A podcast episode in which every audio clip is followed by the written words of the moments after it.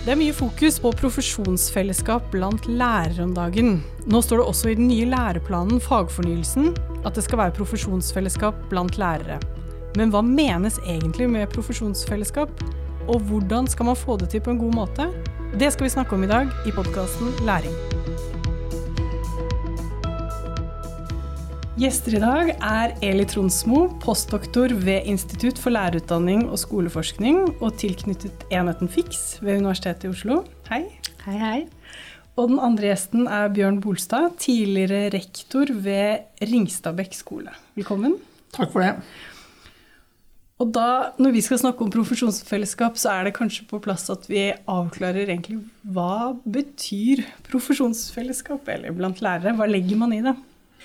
Ja, altså profesjonsfellesskap er jo et litt rart ord, fordi at eh, profesjon i seg selv er jo et slags fellesskapsbegrep som det knytter seg en fellesskapsbetydning til. Så kanskje jeg skal bare si bitte litt om, om hvordan man tenker om hva en profesjon er. Og da er det sånn at profesjonslitteraturen er veldig stor, og det er forsket mye på hva profesjoner er og sånn. Men noe av det som kjennetegner en profesjon, det er at den f.eks. har en spesiell utdanning hvor man på en måte kvalifiserer eller er sertifisert for å utøve bestemte oppgaver. Og så pleier man ofte å si at en profesjon anvender kunnskap på enkelttilfeller. Og de enkelttilfellene er jo da en helt spesiell elev, alle elever er helt spesielle, eller en helt spesiell pasient. Eller en klient. ikke sant? Sånn at man har å gjøre med enkelttilfeller, og så anvender man noe generell kunnskap på det. Og så snakker man også om at profesjonene de står i et slags sånn tillitsforhold mellom samfunnet og profesjonen selv. Eh, de forvalter ganske store ressurser. Altså de bestemmer jo hvem som skal få spesialundervisning, de bestemmer hvem som skal få behandling. Og derfor så har man en slags kontrakt mellom samfunnet og, og profesjonene. Og Derfor så er det også ofte en tematikk rundt profesjonen dette med tilsyn og innsyn. Gjør de jobben sin på en, en ordentlig måte? Holder de orden på seg selv i sitt eget hus? Og Det er også diskusjoner man har hatt mye rundt lærerprofesjonen. Men nettopp det at man jobber felles om noen profesjonelle standarder, det ligger i dette kollektive begrepet. Og Derfor så kan man si at profesjonsfellesskap handler nettopp om det, hva slags strukturer og hva slags kultur har man for å bygge dette fellesskapet rundt det profesjonelle arbeidet man gjør. Og det skjer på mange nivåer. Det skjer helt sånn lokalt på den enkelte skole eller i et bestemt team. Det kan skje innenfor bestemte spesialiserte grupper men det kan også skje på tvers. Og så kan man også snakke om at fellesskap i profesjonen er stort, da. Eh, så det er en lang vei for å beskrive profesjonsfellesskap. Men hvis vi tar tak i dette med profesjonsfellesskap på skolen, tenkte jeg å høre med deg, Bjørn. Kan du beskrive noen gode eksempler på profesjonsfellesskap som du opplevde på din skole da du var rektor? Ja, jeg kan prøve. Det er jo litt skummelt å skulle presentere og si at dette er gode eksempler fra min egen praksis. Men, men eh, på den skolen jeg jobba og leda, på Ringstadvik skole, så var vi opptatt av at lærerne skulle Eh, lage eller planlegge og gjennomføre undervisningen sammen. Altså Kjerneoppgaven som de skulle holde på med, den, den, skulle de gjøre sammen.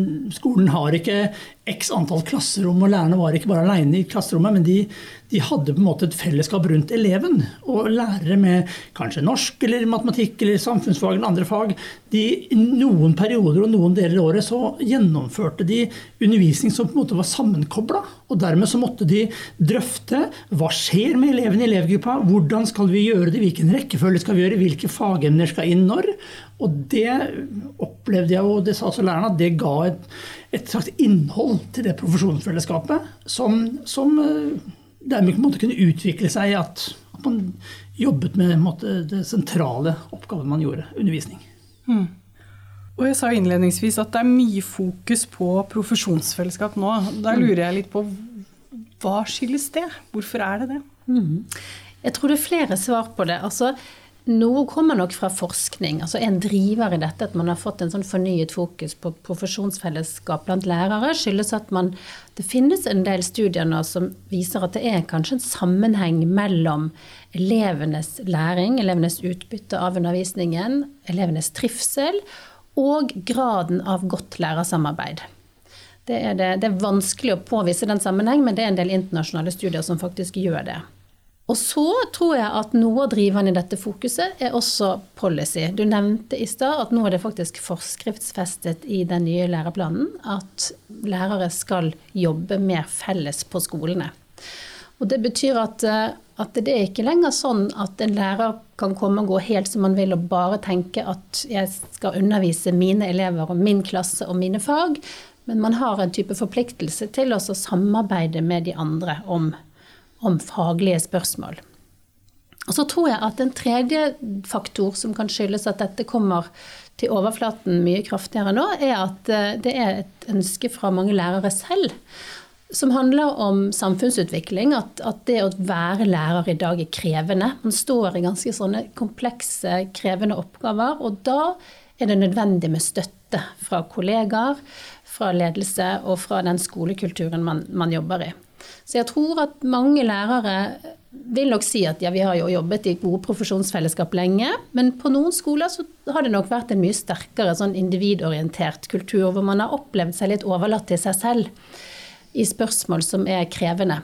Og da tenker vi nok kanskje at, at potensialet som ligger i skolen som fellesskapskultur og som fellesskap, det er kanskje ikke helt eh, realisert da, på alle skoler. Så Derfor dette nye fokuset. Ja, så Tradisjonelt så har læreren også vært den som har stått alene i undervisningssituasjonen i klasserommet. Og da må jeg spørre deg, Bjørn, er det et problem? Jeg tror både ja og nei.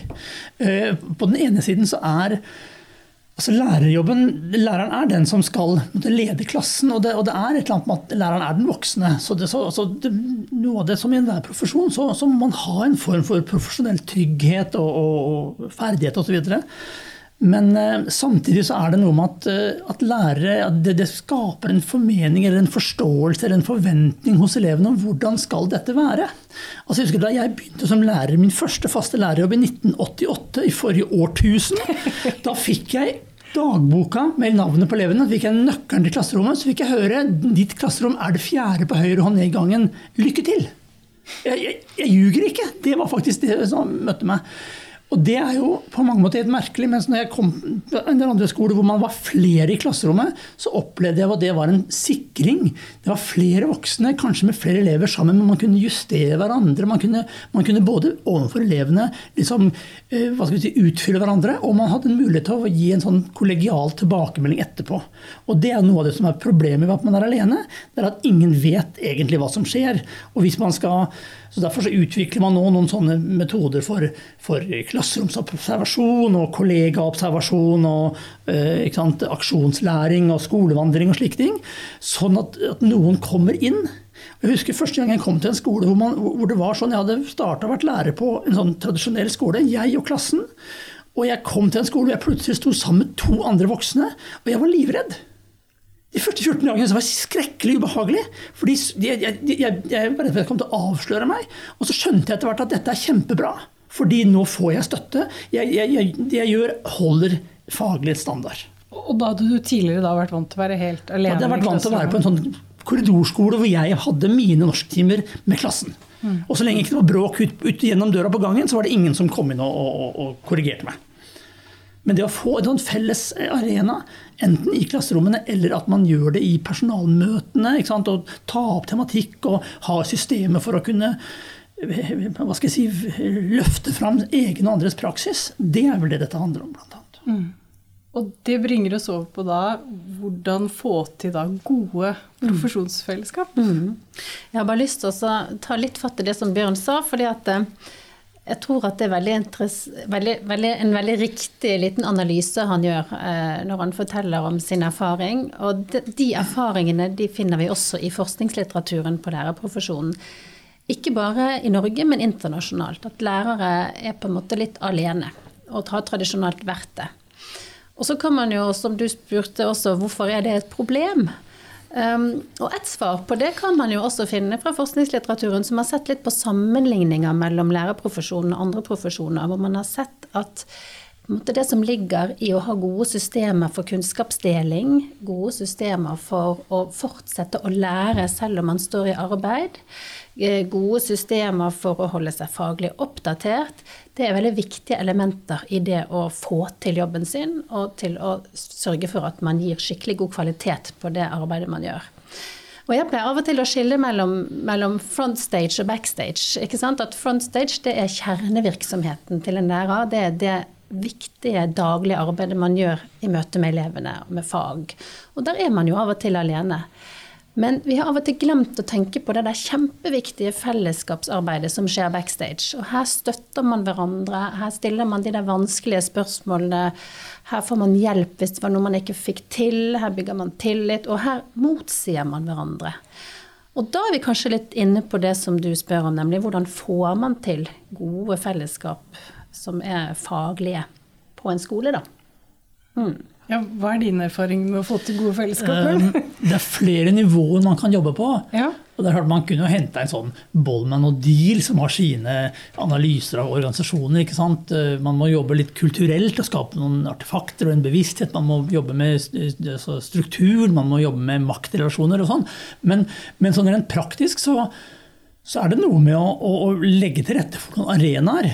Og det har man gjerne på skoler og møter og slike ting. Og veldig mange lærere er litt oppgitt over at de er på slutten av dagen så skal rektor og andre skoleledere komme med masse informasjon. Og, og, det jeg lærte av, av, en rektor jeg jobbet sammen med en gang, en meget klok dame, det var at det som er informasjon, det bruker vi ikke møtene til. Det gir vi som informasjon det ellers.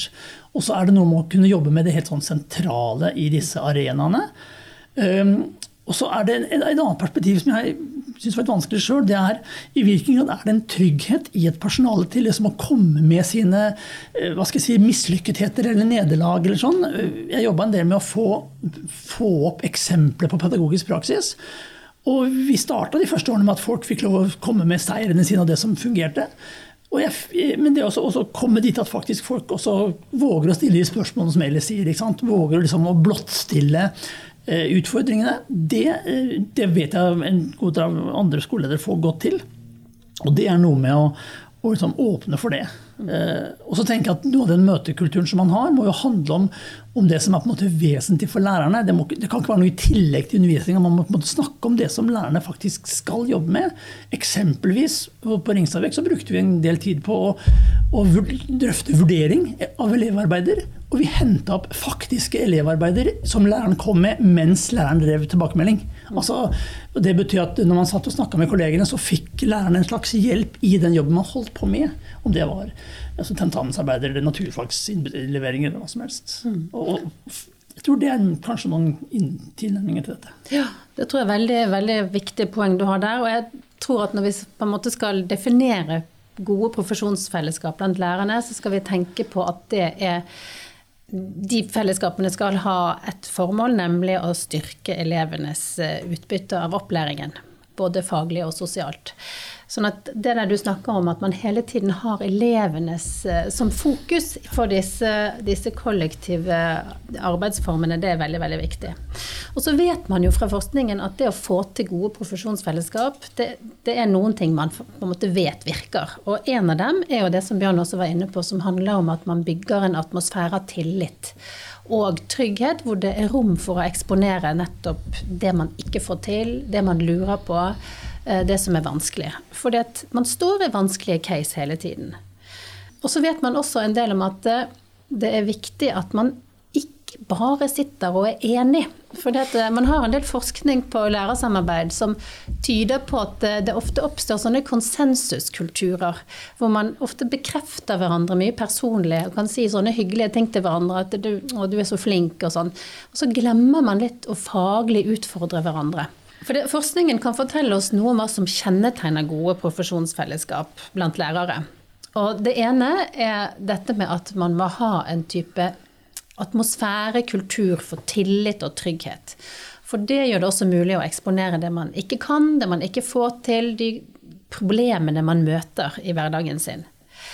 Men så er det også sånn at det er en del studier som viser at det kan ikke bare være bare være hyggelig, eller det kan ikke bare være enighet.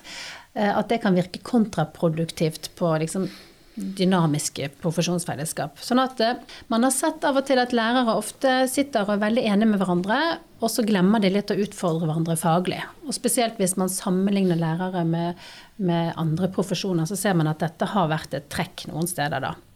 Så det der å flytte fokuset til noen faglige spørsmål, hvor det også er rom for å se det fra mange vinkler, på en måte rote til det eksisterende, stille kritiske, vanskelige spørsmål, bremse på en måte business as usual og, og, og problematisere og lete etter andre måter å gjøre det på, det er veldig viktig. Så det å både ha tillit, både å utfordre hverandre og så Et tredje veldig viktig element er dette med å, å bygge på hverandres ideer. Altså utvikle kanskje produkter sammen. Det å, å, finne begreper å jobbe videre med. Som man kanskje kan oppsummere med å si at det er viktig å etablere noen felles standarder som er veldig, veldig viktig. Så, så, er jo det store spørsmålet da, hvordan gjør man det? Og Bjørn har jo vært inne på det. Han har sagt noe om møtestruktur. Hvordan organiserer man møter? Det tror jeg er et kjempeviktig element. For jeg tror at mange lærere kan oppleve at de sitter på litt sånn endeløse møter og kjenner på at deres veldig dyrebare tid, som de gjerne skulle brukt på elever eller på å forberede undervisning, den sitter de og bruker på litt meningsløse møter. Og da må vi tenke gjennom hvordan skal man organisere møter og fellestid for at man får til skikkelig produktive fellesskap. Det kan sikkert Bjørn si noe om. Ja, jeg kan knytte to kommentarer til det. Det ene er jo det, det siste du sier om, om, sånne fellesmøter hvor det kommer kanskje til og med kommer det noen utenfra, noen såkalte eksperter. Og, altså Den enheten vi jobber i, vi driver akkurat med sånt. Vi er jo liksom ute og skal berike miljøene faglig. Så av og til så, og den enheten, det er da FIX? FIX, som står, for, som står for forskning, innovasjon og kompetanseutvikling i skolen. Takk, da fikk vi den. så vi skal på en måte bidra til det. Og det er jo av og til at jeg som kan møte meg selv i døra. altså Kommer vi som en av de som, som tror vi kommer med vesentligheter, og så sitter læreren og tenker å, jeg skal ha norsktime i morgen, hva, hva, skal jeg gjøre med da? Mm. Men det var ikke en parentes. Jeg har en kommentar til det Eli sa om om uenighet. Og noe av det ledere gjør, er jo å ansette folk. Kanskje noe av det viktigste er å ansette folk, og ikke minst følge opp ansatte. altså Hjelpe dem til å bli enda flinkere. Og, og den der, det er en velkjent at man som ansatt kan gå i den likhetsfella. Du ansetter de du er litt enig med, de som måte uttrykker ting på samme måte som deg. Og jeg tror et særtrekk ved lærerprofesjonen er at det er ulike retninger eller ulike faglige begrunnelser og faglige ståsted for den virksomheten man driver med. Det er ikke sånn som med, med kirurger, som i mye større grad har en sånn naturvitenskapelig evidensbasert eh, praksis. Skolen er langt mer sammensatt, og da ligger det potensielt en sånn uenighet. Også en sånn pedagogisk eller kanskje så didaktisk uenighet.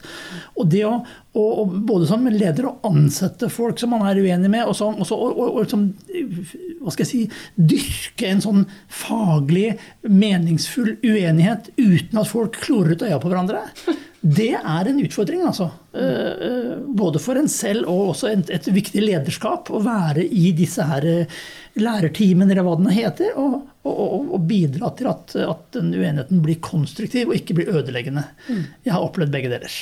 Ja. Og en nøkkel da kan kanskje være det der med at man velger ut noen områder man skal fokusere arbeidet, arbeidet sitt mot. Eh, fordi at man kan ikke i sånne skoleutviklingsprosesser eh, jobbe med alle områder på en gang når man konsentrerer seg om noen felles temaer som er faglige. Så, så fra, hvis vi tenker en sånn liten tidslinje da, fra at lærere var overlatt til seg selv og sine elever, så står man i dag i mer kanskje en sånn situasjon hvor, hvor lærere bombarderes med gode ideer og råd og eksperter fra overalt. Og da tenker jeg at det blir en veldig viktig ledelsesoppgave eh, å velge ut noen bestemte områder som man på en måte jobber med felles. Og da tror jeg det er lettere å få et fokus også som gjør at man kanskje både kan jobbe med å, å undersøke mer istedenfor å, å bare bekrefte én måte å gjøre det på, men at man har en sånn undersøkende, litt mer forskningsmessig holdning til det man driver med, den praksisen man står i. Og samtidig som man ikke liksom blir helt overmannet av, av å skulle gjøre alt på en gang. Altså Uttrykket 'leder som portvakt', 'gatekeeper', er jo mm. det, det, vi snakker om. Og jeg har selv erfart at det, det er litt sånn krevende. Altså Både skal du gjøre det overfor forskningsinnspill du får, så, man, så, må man kanskje si at ja vel, sier dette, dette er vesentlige elementer, men det er ikke det vi jobber med nå, det skal vi kanskje ta om et par år. Skal vi se på det på vår skole? Eller politiske signaler, eller fra skoleadministrasjon eller politikk. Politiske, altså de som styrer i kommuner, fylkeskommunen, som på en måte har, lagt, pålagt slik og sånn. Og der kommer det fort veldig mye. Og så, og så, erfarer vi i, i, den enheten vi jobber, at skoleeierleddet, som nå er de siste ti årene vokst sammen til et ganske, ganske, kraftfullt ledd, der sitter det mange som, sånne ivrige folk, sånn som jeg sjøl er, som gjerne vil ha skoleutvikling og endring, og som kanskje også bidrar til å og som sender sånne signaler til skolene. Så, så skoleleder som portvakt er nok en mm en viktig rolle. Da. Mm. Ja, og hvis du skulle sagt noen andre liksom, utfordringer eller ting som en rektor, da skoleleder, må være obs på for å få til et godt profesjonsfellesskap, i tillegg til å være portvokter?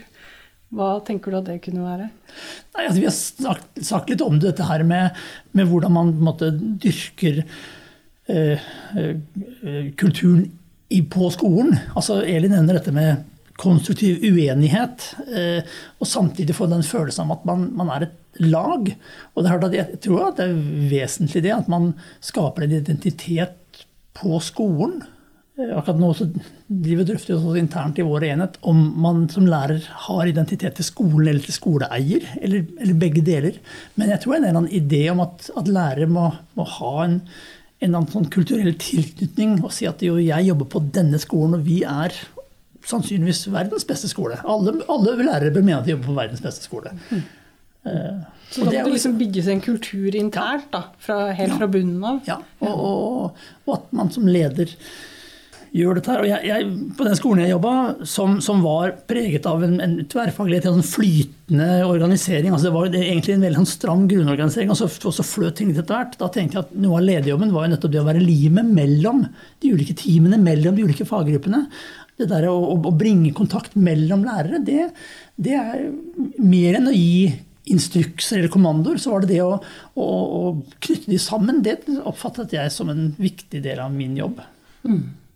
Jeg tror det er veldig viktig det Bjørn sier. Og så tror jeg at, eh, at, man kan tenke på at innenfor en skole så er det også mange ulike fellesskap. Det er ikke bare ett stort fellesskap. Så jeg vil tenke at en, lærer, en leder som på en måte forfølger som har nese for hvor er det begeistringen befinner seg.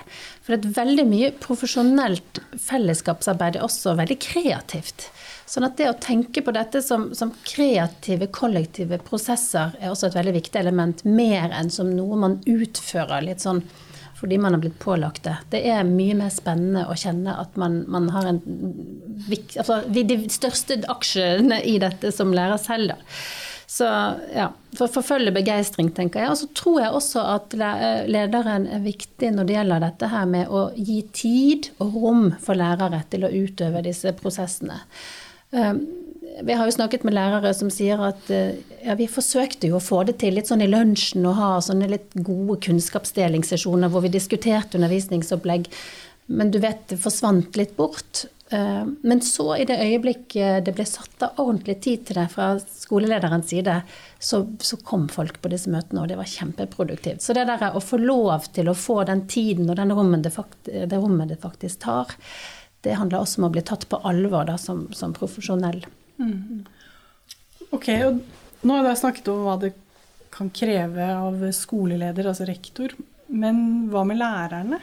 Hva, eller hva, mm. hva krever det av læreren? Noen lærere er veldig fellesskapsorienterte og kjenner på, på en måte hvilken enorm støtte det er i, i, det, i, fellesskapet og i å ha gode kollegaer. Men det tror jeg kanskje man må ha opplevd for å, for å skjønne verdien av det. Um, noen lærere kan nok også oppleve at dette er noe som på en måte blir litt tvunget på dem. Hvorfor i all verden skal vi sitte på disse endeløse møtene? Og hvorfor skal jeg sitte og høre på brannvernbestemmelser når jeg har alt så mye annet viktig å gjøre? Så så fra lærerperspektiv så handler det jo både om å, at man kjenner at den tiden er brukt riktig. Altså jeg har en sånn idé om at de møtene, når man går fra et, et felles møte, så skal man nesten ha mer krefter enn da man kom inn i det. Det er jo selvfølgelig et sånt ideal, og det er jo ikke, hverdagen er jo ikke alltid sånn, men, men at det, det, er et viktig element. Det skal angå lærerne. Mm. Så det er ett element av det. Og så forplikter det jo. ikke sant? Og så må man jo på et eller annet vis også være sulten på å lære noe nytt. Og være villig til å, til å også se på sin egen praksis litt utenfra. Mm. Du da, Bjørn? Hva Eh, du spør hva det krever av lærere. Jeg tror noe av det som eh, bør oppfylles, er en slags erkjennelse hos lærerne. Eh, Bl.a. At, man, at man kan glede seg over at skoler er organisasjoner. Altså Skoler er ikke en rekke privatpraktiserende lærere som står i hver sin boks og underviser hvert sitt fag. Det er, et, det er en helhet. Og det, det, Da jeg begynte som lærer, som sagt, så, så var det lite utvikla. Da var på en måte hver lærer var seg selv og en øy. Eh, og det at, at, lærere har en forventning om at man, man, jobber på en skole som er en organisasjon i en større organisasjon, eh, kommune eller fylkeskommune, eh, det er, en, det er en, et perspektiv der. Og, og, at man hva skal jeg si, har en forventning om at man både blir motsagt og blir løftet av kollegene sine. Og så dreier dette seg kanskje om jeg vet ikke om det er en brannfakkel, jeg håper ikke det, men altså, noen snakker om metodefrihet. Eh, at lærere skal ha en metodefrihet. Eh, hvilket, jeg synes Det er verdt å merke seg at eh, Steffen Handal, leder av Utdanningsforbundet, han snakker om metodeansvar. Og det er et helt annet begrep for meg. At Man kan ikke som lærer tenke at jeg underviser sånn som jeg alltid har gjort. Det for det føler jeg som lærer er best. Hvis noen forteller at det, det finnes andre måter som er langt bedre. Men om ikke det finnes én undervisningsmetode som er best, så er det iallfall noen. Og det at man kan være i et fellesskap og ha et felles ansvar for hvordan jobber vi, det, det tror jeg på en måte er en litt annen tilnærming enn at man liksom selv skal gjennomføre sin undervisning med sine elever i sine fag. Man bør slutte å snakke om sine fag, man bør snakke om våre elever og våre fag. Mm. Mm. Nei, jeg tror også et, et, element av dette når vi snakker om læreren, er jo at eh, når man jobber med sin egen profesjonskunnskap eh, og løfter den litt frem, da, enten det er i vurderingsspørsmål eller i spørsmål om en viss type elever, eller om det er andre ting som på en måte angår læreres eh, som fag, da, så tenker jeg at når man jobber på den måten, så tar man også i større grad ansvar for kunnskapsdimensjonen ved sin eget arbeid. Og jo mer man gjør det, og jo mer systematisk man gjør det, eh, jo mer, mindre tror jeg andre vil komme inn og begynne å definere hva som er riktig kunnskap. Jeg tror at da blir man mer en, en som tar regi over, over, profesjonskunnskapen, enn at man blir en utfører av det andre har gitt og andre har bestemt. Og det er jo et element i skolen at skole er jo veldig politisert. ikke sant? Altså at det er veldig mange som mener noe om hva som er bra skole. Jeg tror at For at lærere skal få det spillerommet til å jobbe ordentlig godt faglig, så er det de praksisene de står i til daglig, som bidrar til å forme den kunnskapskulturen som til enhver tid preger profesjonen. da. Sånn avslutningsvis, altså, Nå har vi snakket om litt om hvordan at det har jo alltid vært et fellesskap blant lærere, men vil gjerne ha, bare slå meg dette med at digitalisering lurer på hvordan det har påvirket profesjonsfellesskap og delingskultur. Om dere kan si noe om det? Mm. Ja, Det er jo litt sånn interessant spørsmål i en sånn covid-tid, hvor, hvor um, vi er blitt så avhengige av disse digitale plattformene for i det hele tatt klare å kommunisere. Um, altså, um, jeg tror at digitaliseringen gir, mange, gir på en måte en infrastruktur på den enkelte skole for å dele og for å, bygge på det andre har gjort, uh, og for å ja, dele undervisningsopplegg og gode ideer. Samtidig så tror jeg at, eh, at det vi kanskje har lært også gjennom denne pandemiperioden, er jo at for å bygge tillit, og for å bygge de der trygge rommene hvor man faktisk eksponerer det man strever med, da, eller de spørsmålene man har, så må man faktisk møtes fysisk. Sånn at digitaliseringen tror ikke jeg er svar på, på gode profesjonsfellesskap i seg selv, men den kan på en måte styrke eller, eller kan bidra, men, men, den er ikke bærende alene. Det, mm. Eli sa tidligere noe om at et godt profesjonsfellesskap både så roter man til praksis, altså utfordrer praksis, og man etablerer på en måte nye standarder. Og det, særlig det første punktet er kanskje vanskelig å gjøre i en digital, en digital virkelighet. Der bør ting liksom være etablert. Så det å kunne være kreativ og rote det til, er kanskje de tingene som, som vi må møtes for å få til. Ja. Det tror jeg er viktig. Et annet element ved dette med det digitale er jo også at når man spør lærere i dag, så vil mange si at eh, jo, jeg har jo et fellesskap også med noen lærere som jobber på helt andre skoler. Eller jeg er i et online-fellesskap med engelsklærere i Storbritannia. Eller jeg har et faglig miljø eh, på en skole i Bergen, for de driver med noe jeg er veldig opptatt av. Og det er klart Denne type profesjonelle fellesskap muliggjøres også av en digital virkelighet. Det er masse online-forum, det er masse diskusjonsoppgaver. Noen fasiliteres av lærere selv, og noen av type forlag. Eller sånn universitetet har jo mange nettverk. Fiks er kanskje et eksempel på det. Ehm, sånn at eh, tilgangen og på en måte tilknytningspunktene er mange flere i en digital virkelighet. Men det vi har snakket om i dag, er jo først og fremst de profesjonsfellesskapene som knytter seg til skolen. Og der er det, der er det mye man kan snakke videre om for å få til gode og produktive fellesskap blant lærere. Da må jeg bare si tusen takk for at dere kom og delte kunnskapen og erfaringen deres. Det har vært veldig lærerikt. Takk. Tusen takk for at du fikk komme. Takk for at du hørte på denne episoden. Mitt navn er Elise Koppang Frøyd. Sammen med Roshnik Bagrisade har jeg gjort research. Shane Colvin har vært produsent. Du kan følge oss på Det utdanningsvitenskapelige fakultets Facebook-side. Vi høres.